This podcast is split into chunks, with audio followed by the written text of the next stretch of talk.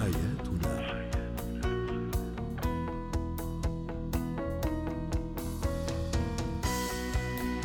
نجدد التحية لكل مستمعينا ومستمعاتنا أنتم تستمعون لبرنامج حياتنا برنامجكم الذي يعنى بشؤون الأسرة وباقي الشؤون الحياتية الأخرى.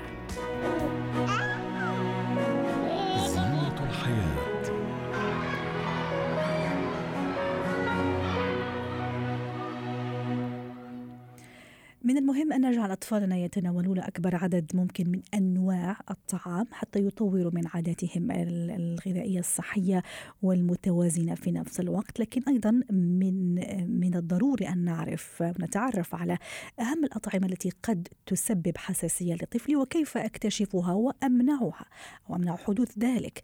للحديث عن هذا الموضوع ينضم إلينا عبر الهاتف استشاري طب أو أمراض طب الأطفال دكتور سامر الجنيدي. مساء الخير دكتور سامر. أولا هل تعرفنا مع بعض وعرفت السادة المستمعين على أهم الأطعمة التي قد تسبب حساسية لطفلي سواء كان رضيع أو حتى في بداية مرحلة النمو؟ والله آه، موضوع جدا مهم وحساس ونواجهه يوميا.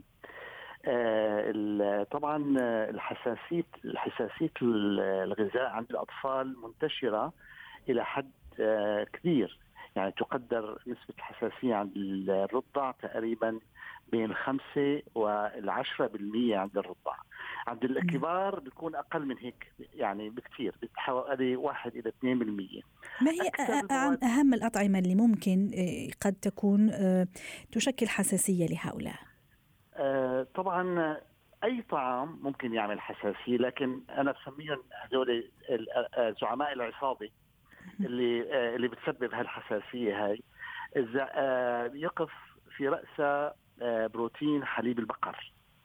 وطبعا وقت نقول حليب البقر بنقصد حتى الحليب العلب حليب الأطفال اللي بينعطى عند الأطفال اللي ما بياخذوا حليب أمهم. نعم. وهذا السر أحد أسرار إنه نحن نصر دائما على الرضاعة الطبيعية آه، لتجنب آه، بروتين حليب البقر لأنه أغلب أنواع الحليب موجودة في آه، في علب الحليب الفورمولا هاي بنسميها نعم. عند الأطفال الرضع هي مستخرجة من البقر أو حتى من الحيوانات الأخرى فهي بتسبب كمان حساسية. هي رقم واحد. رقم اثنين هذا المتهم رقم أول.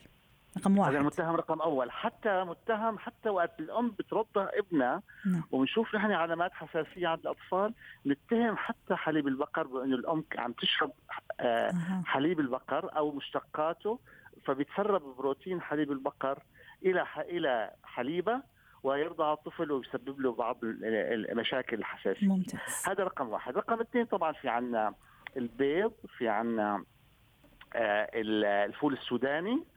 وفي عنا السمك وفي عنا السمسم. هدول أكثر الأنواع المسببة للحساسية ممتاز. جميل. طيب دكتور سامر آه، كيف أعرف أنه طفلي فعلا عنده آه، قابلية أو عنده فعلا حساسية من أحد أو كل هذه الأنواع اللي حضرتك حكيت عنها؟ هل في أعراض معينة لازم ألاحظها أو أول ما تبدأ بالظهور على طفلي لازم أنتبه مباشرة؟ أكيد أكيد. هلأ آه قبل عمر الأربعة أشهر اللي هو طبعا نحن بنعطي الأغذية آه الصلبة بين عمر الأربعة أشهر لست أشهر.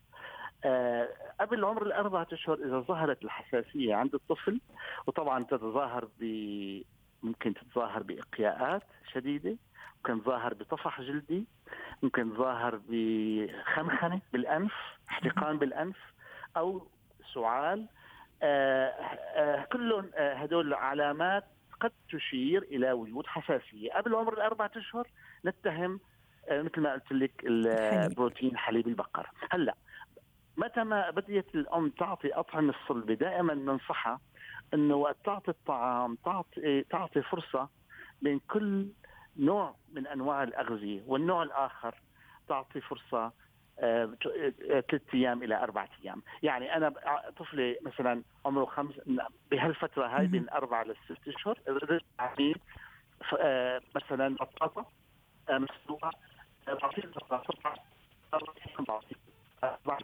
أيام بعطيه الموز إلى آخره بحيث إنه إذا ظهرت الحساسية بعرف المادة الغذائية هي سببت هذه الحساسية، ما بعطي الاغذيه كلها مع بعضها لأنه إذا ظهرت الحساسية بتضيع الطاسه صحيح يعني ما راح نقدر نعرف أي نوع من الطعام. لذلك كل نوع بندخله جديد بنعطيه فرصة أربعة أيام لنعرف نتحسس منه الطفل ولا لا. طيب طفلي تحسس دكتور سامر ظهرت عليه الانواع أو عفوا هذه الأعراض اللي حضرتك ذكرتها.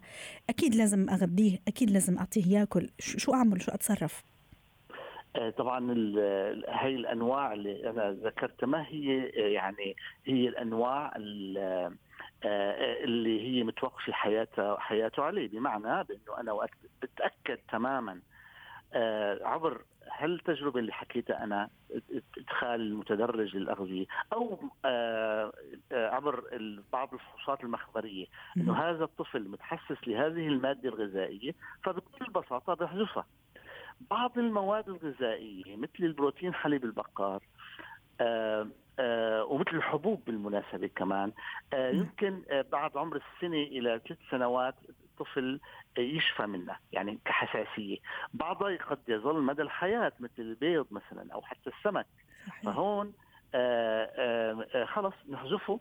وطبعا بنعوض المادة الغذائية المحذوفة باطعمه أخرى. جميل. طيب ومتى يستدعي أني آه، لازم أخذه عند عند الدكتور أو عند الطبيب إذا فعلا ظهرت أعراض أخرى مثلا وأيضا كيف أتصرف كما قلت يعني إنه هو لازم يتغذى لازم لازم يعني لازم ياخذ حصصه الغذائية في هذه الأيام اللي هو تعبان أو مريض فيها أو عنده علامات الحساسية هذه. هلا طبعا إذا ظهرت إحدى الأعراض آه، المهمة مثل ما آه، ذكرت لك الإقياء آه، طبعا أو الطفح الجلدي أو الاحتقان الأنف أو سعال غير مبرر يعني طبعا كثير أمراض بتسبب سعال نعم. وفي أمر واحتقان الأنف ممكن يسببه القريب لكن أنا بقصد إنه هاي أعراض تكاد تكون مستمرة ودائمة وبدون ما تترافق مع ارتفاع حرارة والأعراض الأخرى للقريب نعم. فهون يجب أن أنا أن أشك بوجود حساسية وأخذ ابني عن طبيب الأطفال هلأ نعم. طبيب الأطفال آه راح يحط تشخيص تفريقي للحالة وهو طبعا راح يكون عنده القدرة عبر الفحص وعبر آه، آه، ممكن يلجأ لبعض الفحوصات المخبريه لمعرفة هذا. أيوه أنا ممكن اختصر الموضوع من الأول دكتور سامر وأعمل فحوصات أو تحليلات مخبرية حتى أعرف شو يلائم وما يلائم طفلي حتى نختم أيضا باختصار. ما ما بننصح بهالشيء كأطباء أطفال ما بننصح انه يجب أن نشك بالحالة قبل آه، آه، قبل نحللها يعني يعني ما في فحص مخبري بيعطيك كل الأغذية عشان تعرفي أنت على إيش ابنك متحسس. وحتى هذا هذا الفحص ما بكون موثوق بالمية مية إذا أنت كطبيب أطفال مانك شاكك بمادة غذائية معينة. يعني هذا الفحص هو فحص مكمل وليس فحص بلجأ له بدون آه، ما آه، ما ما يكشف عليه بدون سوابق. بالضبط. نعم بالضبط. واضح. شكرا لك دكتور سامر الجنيدي استشاري أمراض طب الأطفال كنت معنا من دبي.